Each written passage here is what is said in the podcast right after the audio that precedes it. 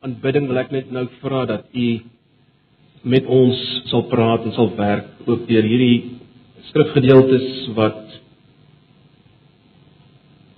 oorbekend miskien is, oorgedebatteer is of vra dat u self met ons kom ontmoet op 'n nuwe manier. Ons vra dit in Jesus se naam. Amen. Broers, as ons blaai na Genesis hoofstuk 1, terwyl van tyd wil ek nie ons oor die hele gedeelte lees nie. Ons gaan kyk na Genesis 1 vers 1 eindelik tot 2 vers 4. Ehm um, Dis 'n gedeelte wat ons gaan dek. Ek dink almal van ons het al hierdie gedeelte gelees by geleentheid. Dis waarom hy groot. Ek wil hê ons moet daarna kyk. En laat ek onmiddellik sê, wanneer uh, 'n mens 'n boek soos Genesis aanpak, is jy onmiddellik bewus dat die mense voor jou sit met vooropgestelde idees oor hierdie boek en hulle verwag dat jy sekere dinge moet sê en sekere dinge nie moet sê. Veral as dit kom by by Genesis 1 tot 3. Ek is intens bewus daarvan, hoor. Die punt is broers en susters, as ons eerlik met enige boek van die Bybel wil omgaan, uh, dan kan ons nie begin met ons vrae en ons agendas wat ons na hierdie boek wil bring nie. Uh, ons kan nie sê hierdie boek met my vrae beantwoord wat ek na hom bring nie. Uh, Byvoorbeeld daarom as ons kyk na Genesis se eerste hoofstukke, kan ons nie vra wel wat is die uh, wat is die die wetenskap se bevindinge en hoe kan Genesis dit vir ons beantwoord nie? Ons kan dit nie doen nie. Want dan bepaal die wetenskap ons eksegese van hierdie gedeelte. En dis ongelukkig wat oor en oor gebeur. Die ouens lei ons oor hoe ons uiteindelik Genesis interpreteer. Want ons wil hulle antwoord gee. Broers en susters, baie baie belangrik. As ons na enige boek gaan, maak nie saak watter boek in die Bybel nie, moet ons altyd besef, dis nie in die eerste plek vir ons geskryf nie. Jammer om julle te leer te stel. Dit is nie in die eerste plek geskryf vir ouens wat in 2013 hier in Antipas sit in Pretoria nie. Daar's 'n spesifieke gehoor vir wie dit in die eerste plek geskryf is, vir wie die Here 'n boodskap gebring het en op 'n sekondêre manier. Natuurlik. Die boodskap vir ons. Dank die Here daarvoor.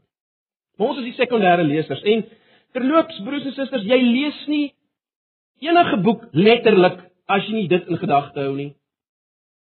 Ouers is ook so lief om te sê, ons lees dit letterlik. Jy lees dit nie letterlik as jy nie in gedagte hou, is nie in die eerste plek vir jou geskryf. Dan verdraai jy dit. En ook as jy as jy Genesis byvoorbeeld nie in Hebreëus lees nie, lees jy dit klaar nie letterlik nie, hoor. Moenie jouself bluf nie. Dit is baie belangrik dat ons agter die kap van die Bybel volg. Uh, 'n verdere ding wat ons net moet vir mekaar sê is dat Genesis is deel van die een groot verhaal van die werklikheid, die ware verhaal. Dis deel daarvan. Deel van 'n een eenheid, 'n groot verhaal, is nie 'n los stukkie uh interessante inligting vir ons debatteer nie. Deel van die groot verhaal van die werklikheid waarvan ek en jy deel is. En dan is Genesis ook deel van die eerste 5 boeke. Die Pentateeg en vorm 'n een eenheid saam met die Pentateeg. Hy het 'n sekere rol binne hierdie Pentateeg, die eerste 5 boeke. Nou, met ander woorde, as ons na die boek Genesis gaan, is daar 'n paar vooraf vrae wat ons moet beantwoord. Daar's 'n paar vooraf vrae wat ons moet beantwoord. Ons moet eers vra, maar het ons 'n soort van 'n sleutel wat vir ons 'n aanduiding gee waar waar pas hierdie boek in? En wie s'ie gehoor? Vers 1 van Genesis 1 begin: In die begin het God die hemel en die aarde geskep. En onmiddellik moet jy jouself afvra, goed, maar watter God? En nou is Genesis 2 vers 4 belangrik. Kyk net na Genesis 2 vers 4. Ongelukkig sit ons met Afrikaans, maar ek dink selfs in Afrikaans kan ons dit tog raak sien. Dis mooi kyk. Genesis 2 vers 4. Dit is dan die geskiedenis van die hemel en aarde toe hulle geskep is en nou toe die Here God hulle geskep het. Of of toe die Here God die aarde en die hemel gemaak het. Interessant daar die volgorde omgeruil, ons sal daarby kom volgende week. Toe die Here God Dit is dis fascinerend, insiggewend, baie belangrik.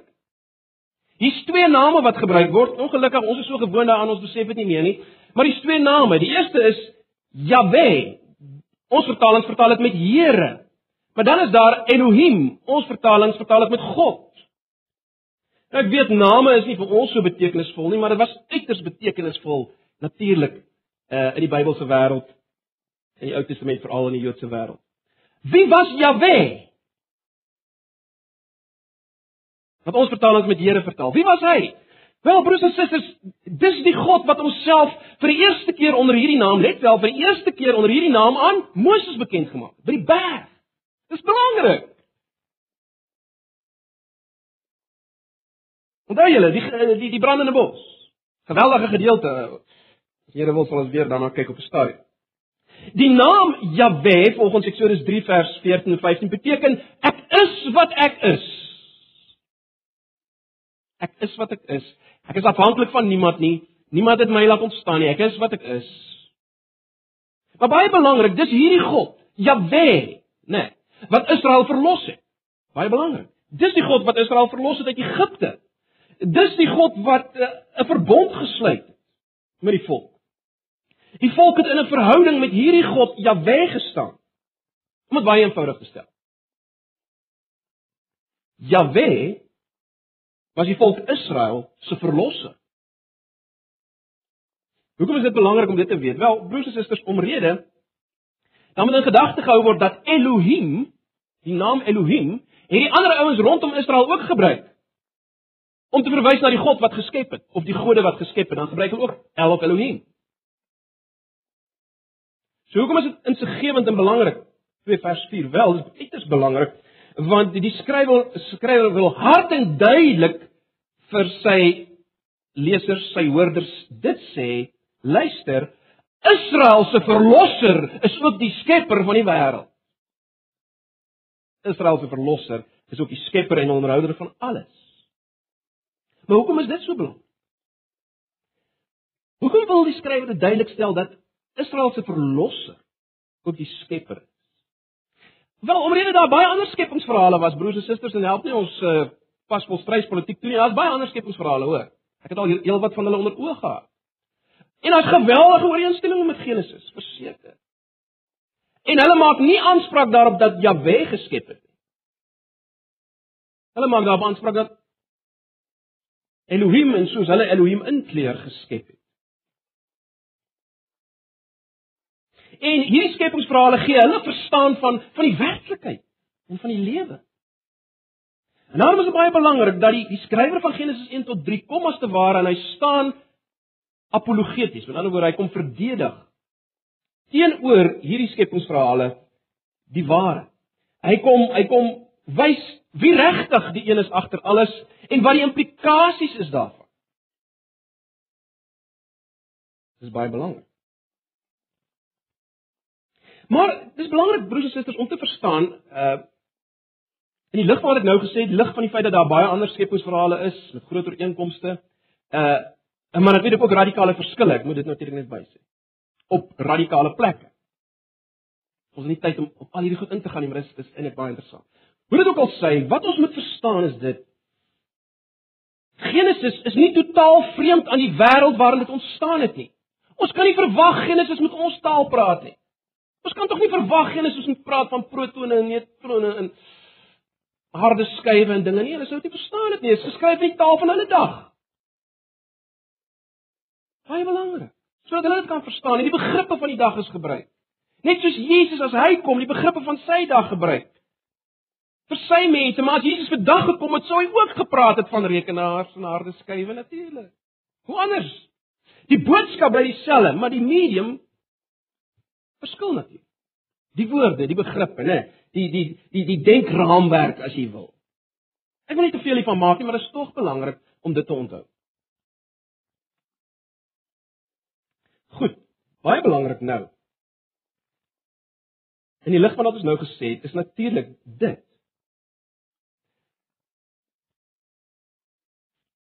Israel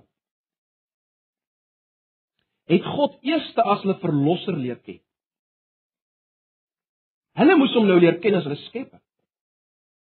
Hulle moes hom nou leer ken as die een wat alles te maak het met alles rondom hulle en met elke aspek van hulle lewens. Hulle het hom nog net geken as verlosser. Maar as hulle wou leef as sy mense, moes hulle hom ook leer ken as skepper.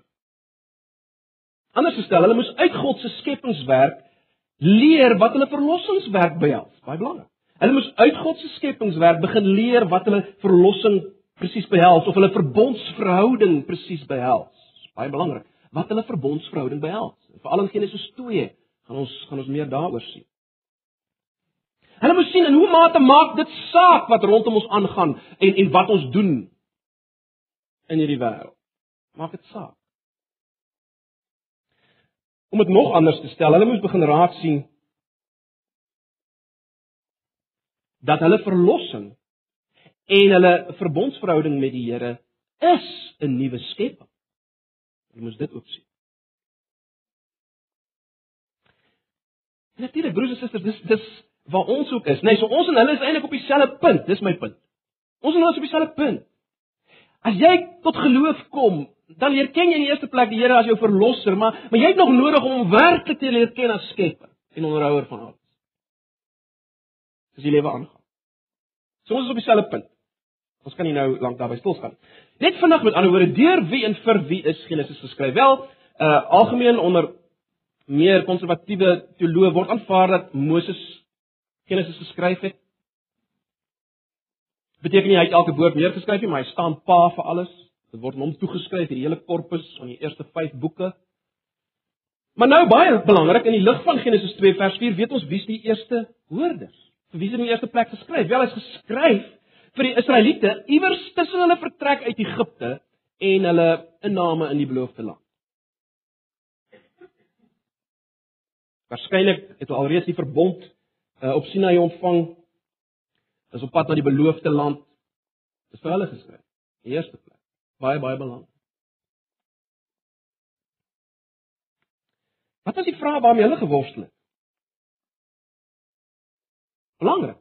Wat was die vraag waarmee hulle geworstel het? Wel, laat ek onmiddellik sê, hulle het nie geworstel met die vraag evolusie versus kreasionisme nie. Kreasionisme of skepingsleer nie. Dit dis nie waarmee hulle geworstel het, hoor. Nee, vir hulle was belangrik wie verantwoordelik vir reën en sonskyn en groei. Die ander volke rondom sê dis hulle gode. Baie geweldig, nee, geweldige druk onder hulle. Dink aan uh 'n geweldige druk dat Baal geen reën ensovoorts.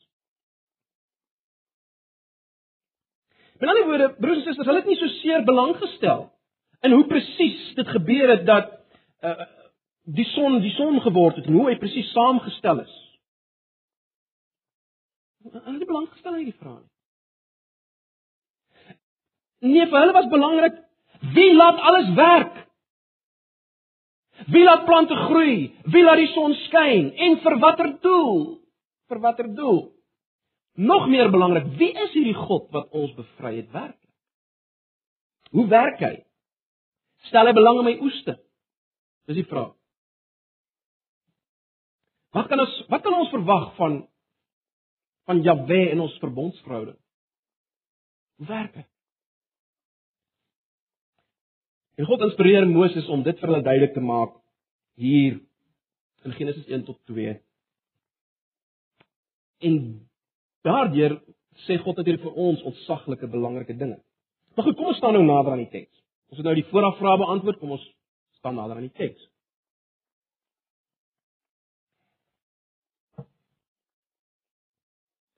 In vers 1 lees ons in die begin het God die hemel en die aarde geskep. en ek wil eers net vir 'n oomblik kyk na die woordjie geskep.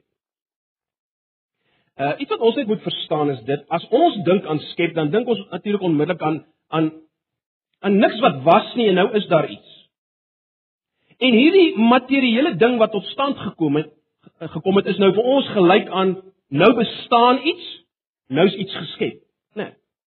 Nou bestaan iets, nou is iets geskep. Nou dis baie interessant en ek kan nie anders as om as om dit met julle te deel nie dat uh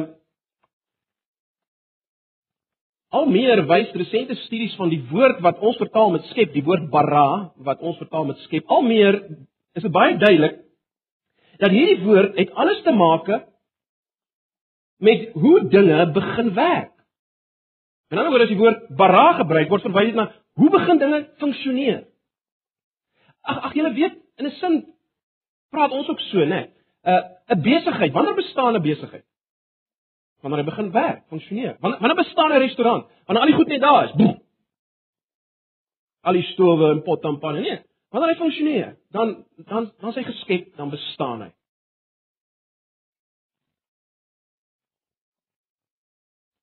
So vir hierdie ouens het iets bestaan as dit gefunksioneer het. Dis wat belangrik was in die denke van die dag. Onthou, Genesis is deel van die denke van die dag ook. Terloops, Israel se bure, uh hulle het die die uit sogenaamde uitspansel, die son, die maan en die aarde as gode aanbid. So hulle bitter belang gestel in die uh die materiële strukture daarvan. Nee, hoe werk hierdie gode? Hoe dit ook al sê, broers en susters, Die woord bara wat ons vertaal met skep het met ander woorde nie te maak met hoe materie ontstaan het. Nou materie, julle weet wat ons daarmee bedoel. Alle lewende organismes en hulle nie lewende omgewing bestaan uit materie. Materie het verskillende forme, né? Vloeistowwe, vaste stowwe, gasse en en ook plasma en so. Nou bara, die woord bara skep het nie te maak met met die ontstaan daarvan nie. In ander woorde, dit gaan nie hier in Genesis 1 En dit gaan nie so seer in die woord bara of skep. Dit gaan nie so seer oor iets teenoor niks nie. Nee, dit gaan baie meer oor georganiseerd teenoor chaoties. Dis waaroor dit gaan. In die Psalm sien ons dit ook baie duidelik, nê, nee, dat God dit wil die een is wat wat die chaotiese uitskakel. Dit is wat belangrik was. Nou, laat ek onmiddellik sê, natuurlik was daar geen twyfel by hulle dat God alle materie ook laat ontstaan het. Moet my nie verkeerd hoor nie. Maar dit was nie die issue nie. Die debat was nie daaroor nie, né? Nee. Dit was 'n gegewe. Daar was nie 'n debat oor wat het hy presies gebruik en hoe lank om materie daar te stel nie. Nee, vir hulle was dit belangrik hoe dit alles begin werk. Hoe bereik alles hulle doel? Wie sit agter dit? Jy sien, doel, betekenis, funksie. Natuurlik in die res van die Nuwe Testament weet ons alle materie deur God ontstaan. Maar hier in Genesis is dit nie die vraag op die tafel en en, en die woord skep daar soos ek sê verwys na hoe dinge begin werk, funksioneer. Dit is baie belangrik. Kom ons kyk nou na die frase in die begin. In die begin. In die begin het God die hemel en aarde geskep. Waarna verwys die frase in die begin? Die begin van wat? Weereens, ons moet nie ons verstaan van in die begin hier inlees nie. Ons moet vra hoe gebruik Hebreëus hierdie begrip in die begin, hierdie frase? En dit is baie interessant om te sien dat dit word nooit gebruik vir 'n vaste punt nie. Die begin van 'n vaste punt nie.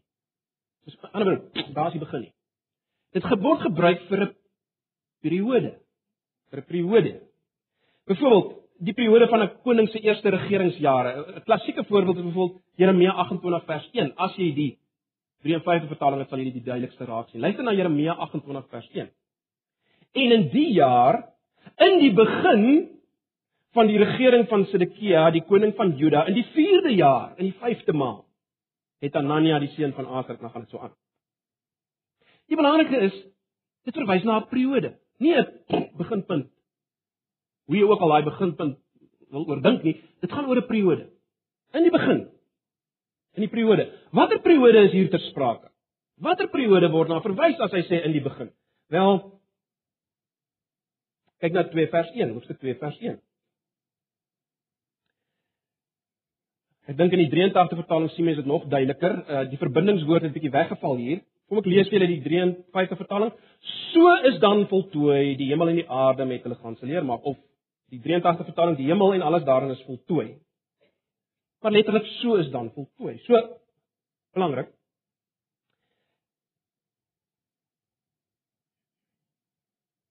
Die periode waarna in die begin verwys word afgesluit in hoofstuk 2 vers 1. So daardie periode is die 7 dae waarna verwys word, né? Nee. Nou, daar's baie debatte oor hierdie dae, maar maar die punt is hier, want die skrywer hê ons moet dit as 24 uur dae verstaan. Ongelukkig, ek meen, dit is net so. Dit was aand en dit was môre. Dit beteken nie dae word ook op 'n ander manier gebruik nie. Maar hier wil hy ons moet dit verstaan as 24 uur dae. Dit was aand en dit was môre. Onthou nou, ons sê hierdie periode het te maak met hoe dinge begin werk het, begin funksioneer. Nou. Wat moet wat moes hulle die eerste lesers en wat moet ons weet van die toestand voor God nou so geskep het? Wel kyk na vers 2. Die 83 vertaling vertaal dit met die aarde was heeltemal onbewoonbaar. Dit was donker op die diep waters. Maar die Gees van God het oor die waters gesweef. Nou, vers 2, as mens dit reg verstaan, bevestig vir ons dat dat dit wat beskryf word in die 7 dae het te maak met doelgerigte funksionering. Met ander woorde, kom ek stel dit so. As die 7 dae te maak gehad het met die skep van materie uit niks, dan sou daar geen materie in vers 2 gewees het nie. Onthou nou, onthou nou, dat niks tot stand stand gekom in vers 1 nie. Onthou nou vers 1 is 'n literêre inleiding tot die res. Miskien moet ek dit gesê het, né? Nee, vers 1 in die begin is met ander woorde 'n literêre inleiding tot die res ehm uh, van die hoofstuk tot hoofstuk 2 vers 1. Dis 'n inleiding vir die periode wat eindig by 2 vers 1. So daar niks begin in vers 1 nie. Alraai? Maar tog is daar melding van materie hierso. Né? Nee, Dis wat water is materie. En hoe jy ook al die die soos die ou vertaling het met woes en leeg vertaal of die nuwe vertaling met onbewoonbaar, hoe jy dit ook al vertaal, die punt is daar was materie. En dit bevestig my en weer broers en susters dat die skep het te maak met hoe dinge begin funksioneer het, begin werk het. Uh terloops die woorde wat ons vertaal met onbewoonbaar of woes en leeg, dui ook daarop. Dui op nie funksionering Dis waar dit dui, eh, soos dit gebruik word in die res van die Ou. So wat Israel moes hoor is luister, voor julle verlossing was julle ook disfunksioneel, julle was sonder rigting en julle was sonder doel. En so ek en jy, soos jou lewe voordat God begin werk in jou lewe. Disfunksioneel. Maar goed, nou baie belangrik, hoe werk God, Jahwe in hierdie situasie? Wel die eerste ding wat belangrik is, hy werk in hierdie situasie deur sy woord.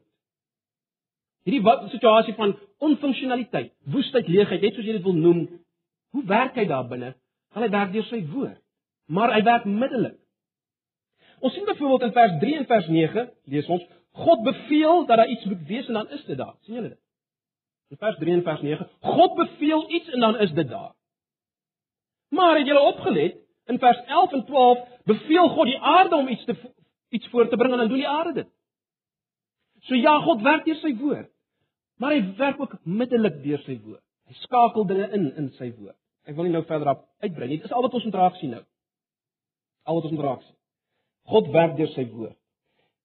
Tweedens moet ons sien hoe God werk as 'n absolute kosmiese kunstenaar. Dit is baie interessant broers en susters, as mens die twee helftes van die week langs mekaar plaas, dan dan, dan sien mens hoe wonderlik God hier dinge laat funksioneer en tot volheid bring. As jy die twee helftes van die week langs mekaar sit, dan sien mens dag 1 en dag 4 staan teenoor mekaar en korrespondeer met mekaar, dag 2 en dag 5, dag 3 en dag 6, né? Nee, dag 1 en 4, 2 en 5 en 3 en 6 staan teenoor mekaar, dit korrespondeer met mekaar. Wat sien ons in dag 1? Wel, ons sien dat God skei lig en donker. En dan in dag 4 dekoreer hy dit. Hy maak dit mooi. Met die son en die maan wat hier net ligte genoem word, ek sal nou 'n opmerking daaroor maak. In vers 14 verder word net ligte genoem. Die punt is hy dekoreer dit. Hy gee son vir die lig en 'n maan vir die donker, nee, hy dekoreer dit. Dag 1 en 4 stem ooreen. Dag 2 en dag In dag 2 maak God 'n uitspansel wat skeiding maak tussen die waters en die lug en die waters op die aarde. En dan op dag 5 dekoreer hy dit. Hy gee voëls vir die lug. En hy gee visse vir die water. Hy dekoreer. En dit funksioneer. Terloops die uitspansel is 'n term of uh, ek dink die gewelf sê die nuwe vertaling is iets wat ons natuurlik nie verstaan nie. Uh dis 'n tipiese begrip van die tyd. Hulle het gedink dit was 'n vaste koepel, maar dit maak nie saak nie. Die punt is God is die een wat die skeiding bring. Dan op dag 3 word die droë grond afgeskei van die see.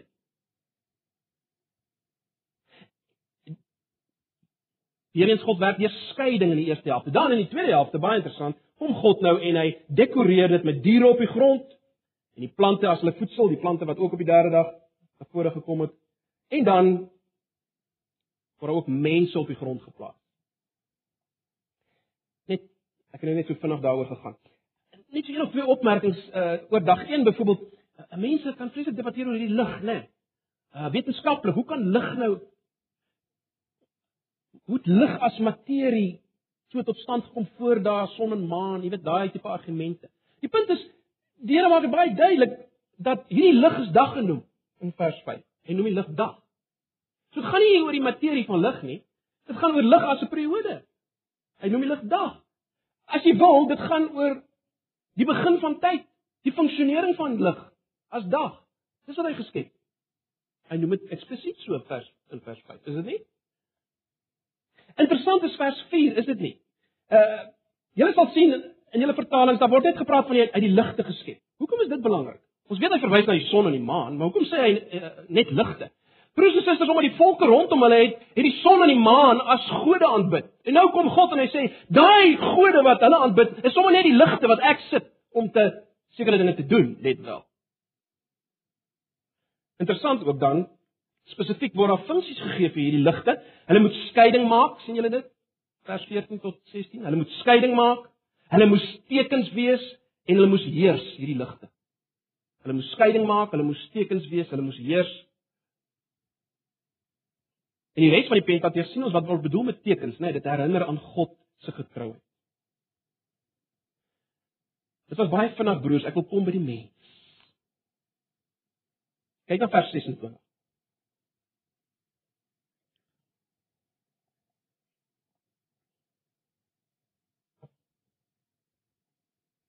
Vers 26 begin met 'n baie bekende uitdrukking. En God het gesê, ons ken dit nou al. Wat sou ons verwag in die lig van wat nou net van alles wat nou net gebeur het? Wat sou ons verwag? Ons sou verwag dat God sê, "Laat daar 'n mens wees." En daar was 'n mens. Maar wat gebeur? Wat gebeur? Ek word in die eerste persoon gestel. Kom laat ons mense maak. Dan word hier 'n geweldige persoonlike uitdrukking van die persoonlike wil van God. Hier's 'n treffende kontras. Dit is amper soos 'n ou wat 'n toespraak lewer, 'n onpersoonlike toespraak lewer oor allerlei landsaake. En dan ewe skielik verander hy in sy toespraak en hy praat op 'n persoonlike intieme vlak. Dis wat hier gebeur. Geweldig. Geweldig. Verder meer sien ons dat die ander skepsels is volgens hulle eie soort gebare. Die mens soos God. Soos sy skepper. Soos sy maker, na die gelykenis van sy maker. Hy moes God sigbaar voorstel in hierdie skepping. Verder meer sien ons hierdie mens is gemaak man en vrou. En wat sien ons weer iets van wat die mens wees beteken? Dit beteken per definisie om in verhouding te wees soos die God wat geskep het, wat 'n ons God is. So is die mens is die mens man en vrou geskep. Per definisie 'n verhoudingswese. Sal op 'n ander stadium weer daaroor praat. 'n Wese in verhouding met God en met die rondom hom. Verder word die mense baie spesifiek uh, spesifieke funksie gegee om die aarde te vul. Waarmee? Met die beelddraers van God as rentmeesters van hierdie aarde. Moet die mens die aarde vul.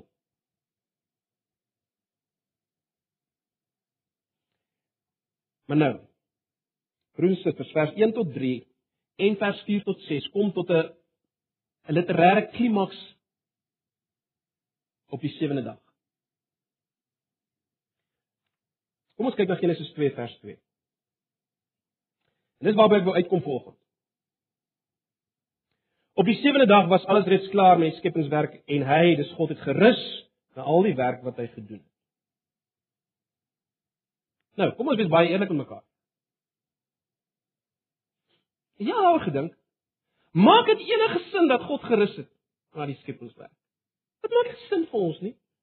Ek meen, dieselfde Ou Testament sê die die die, die Israel se se skepper slymer en slaap nie. Hy rus nie soos die ander soos ou Baal en die ouens nie. Nee. Dis dis wat ons hoop gee as as as mense is dat God nie rus nie, dat God nie slaap nie. So moet ons verstaan? Dit maak geen sin vir ons nie. Hy is nie moeg nie. Hy kan nie moeg wees hy het aan gees. God is gees. Hoe kan hy moeg wees? Hy is nie 'n mens nie. In punt om eh, met alle respek sê hy het mos nie gekap en getimmer hier in die skep. Dit is belaglik. Hy's God.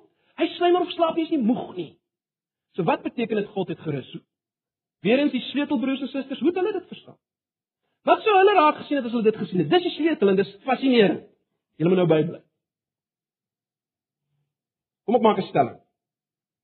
Ek wil die stelling maak as die eerste lesers dit gelees het, het hulle tot die duidelik wekkende besef gekom: die hele skepping is God se tempel. Die hele skepping is God se kosmiese tempel. Hoe so? Wel, ons sien dit uit uit inskripsies van die tyd dat gode van die dag het gerus in tempels, dis eksplisiet so gesê. Maar kom ons kyk na die Bybel self. Blaai gou na Psalm 132 en jy sal dit selfs in die nuwe vertaling raak sien. Psalm 132, baie belangrik. Psalm 132.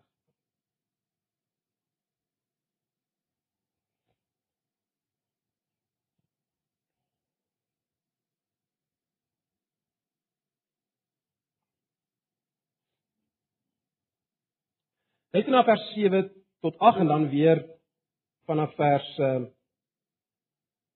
vers 13 tot 15. 7 tot 8 en dan 13 tot 15. Kom ons gaan sy woning binne, kom ons buig daar in aanbidding voor hom. Kom na u rusplek toe, Here, u en die ark die teken van die mag en dan vanaf vers 13. Ja, die Here het Sion gekies en dit vir hom as woning begeer, vers 14. Dit is my rusplek vir altyd, hier wil ek woon, dis my begeerte. Ek sal Sion ryklik seën met wat hy nodig het aan sy armes voedsel en oorvloed skenk. Wat sien ons? Daarom rus word in verband gebring met God se tempel. Dis sy rusplek. Die tempel is God se rusplek. Met ander woorde, broers en susters. As hierdie ouens gelees het op die sewende dag het God gerus, dan dit skokgolf deur hulle gegaan. Luister, alles wat hy nou geformeer het tot funksie gebring het is sy tempel waar hy is. Dit word ook baie duidelik in Eksodus gesien as mense kyk na die bou van die tabernakel. Dan gaan jy dan sien jy ook dat hulle dit onmiddellik sou besef het. Ek gaan net ek wil net hê julle moet 'n paar dinge raak sien. Blaai bietjie na Eksodus 24.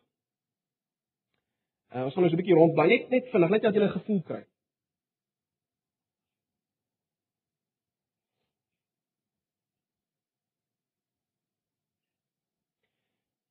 In Eksodus 24 vers 16 kry Moses die instruksies vir die tabernakel en dan sê die skrywer die volgende. Hy sê die wolk het die berg vir 6 dae bedek.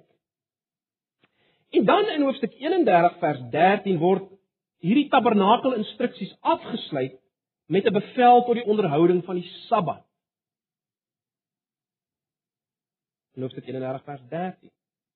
Daar's ook treffende ooreenstemminge, byvoorbeeld in ek in Eksodus 40 vers 33 lees ons: "So het Moses dan die werk voltooi," ou vertaling, afgehandel, nuwe vertaling, en dan kom die wolk van wolk oor en bedek hierdie tent van samekoms. En dit kommunikeer natuurlik dan dat die volk as te ware gerus het na hulle omswerwinge. Dit herinner aan Genesis 2 vers 1 tot 3, né? Nee.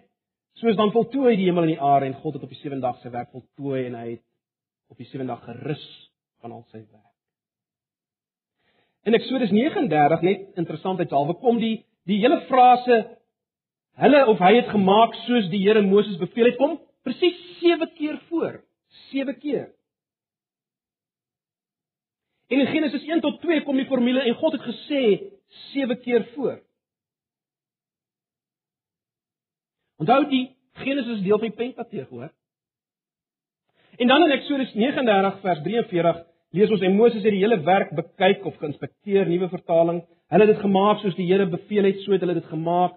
Toe het Moses hulle ou vertaling geseën, nuwe vertaling geluk gewens en so voort. Dit herinner ook aan aan Genesis 1, né? God het gesien dat dit goed was en hy het dit geseën en so mee. Terwyl die die die die tempel later wat die vaste struktuur is, is ook in 7 jaar opgebou. 7 jaar. Lees dan 1 Korintiërs 6 vers 38. Die punt is broers en susters, Genesis 1 wil vir ons wys dat alles wat ek en jy rondom ons sien, is God se tempel, se kosmiese tempel en hy het dit in 7 skepings daar reggemaak en in plek gekry sodat God daar in waarheid aanbid kan word. Ek sê weer eens as mens kyk na Eksodus, is interessant. As mens dink aan die tabernakel. Weer eens Eksodus 39 vers 32. Lees ons uiteindelik was al die werk vir die tabernakel, die tent van ontmoeting klaar. Die Israeliete het alles gemaak presies net soos die Here vir Moses beveel het. En dan in vers 43 van Eksodus 39 word alles na Moses gebring, hy inspekteer alles, hy verklaar dit waardig verseën. En dan in Eksodus 40 vers 9 tot 16 word alles in plek geplaas. Gaan lees maar rustig dit vanmiddag. Eksodus 40 vers 9 tot 16. Alles word in plek geplaas, dit word gesalf, dit word 'n plek toegewys. Nou kan die tabernakel begin werk, begin funksioneer. En dan in vers 34 van Eksodus 40 lees ons 'n wolk het die tent van ontmoeting oordek en die magtige teenwoordigheid van die Here het die tabernakel gevul.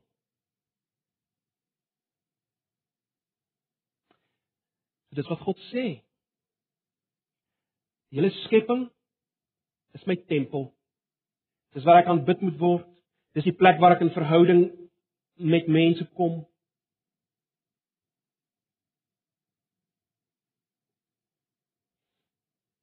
Die mens is gemaak om my in hierdie tempel te verteenwoordig.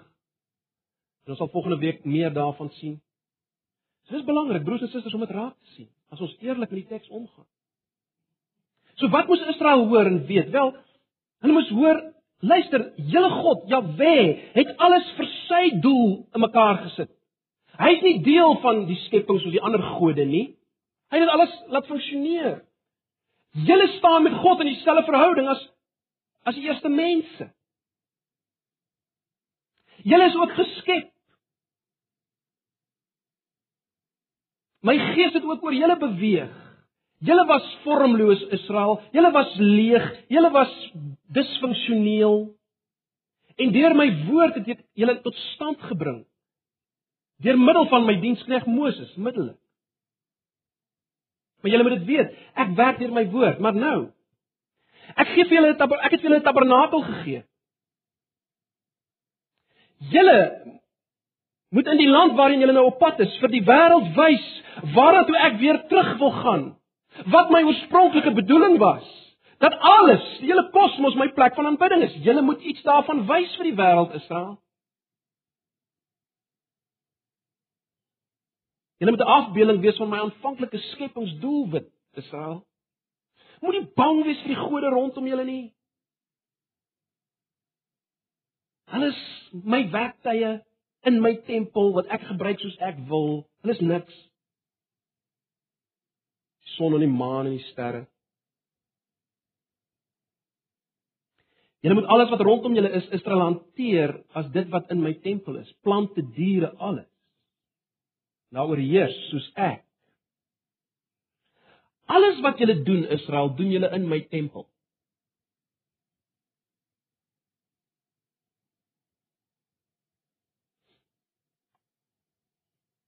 En julle is daar sodat al die nasies uiteindelik weer deel kan wees in deel kan wees van my tempel in verhouding met my kan wees.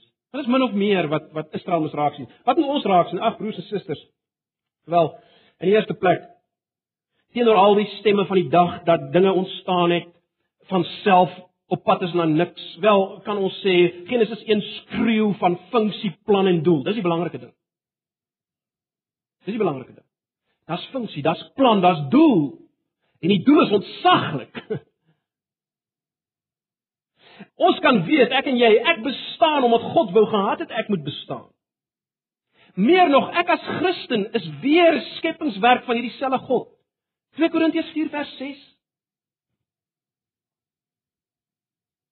Het julle dit al gesien 2 Korintiërs 4 vers 6? Dieselfde God wat gesê het, "Laat daar lig skyn," het in ons harte geskyn om die verligting te bring van die kennis van die heerlikheid van God in die aangesig van Jesus Christus. Dis die letterlike vertaling. In 2 Korintiërs 5 vers 17 weer eens in die 53 vertaling sien ons dit letterlik staan daar. Die wat in Christus is, is 'n nuwe skepping.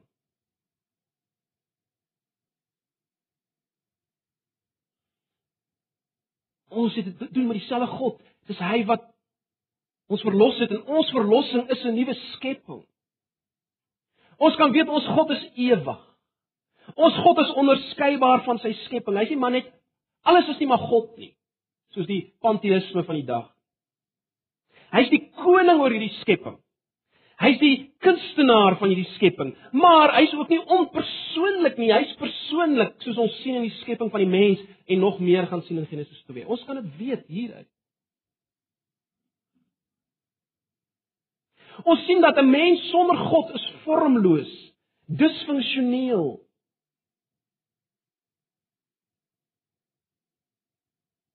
God skep steeds deur sy woord. Wie is sy woord? Wel, Johannes 1 vers 1 en 14. In die begin was die woord en die woord was by God en die woord was self God. Dit wel in die begin. En dan in vers 14 hierdie woord het mens geword, wie Jesus. Die woord waarin God skep is Jesus.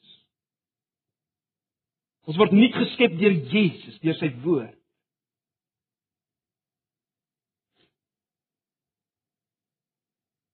Ek as mens is is 'n skepsel van God, ja, maar ek is ook in verhouding met hom. Ek is sy beeld. Ek moet hom sigbaar voorstel.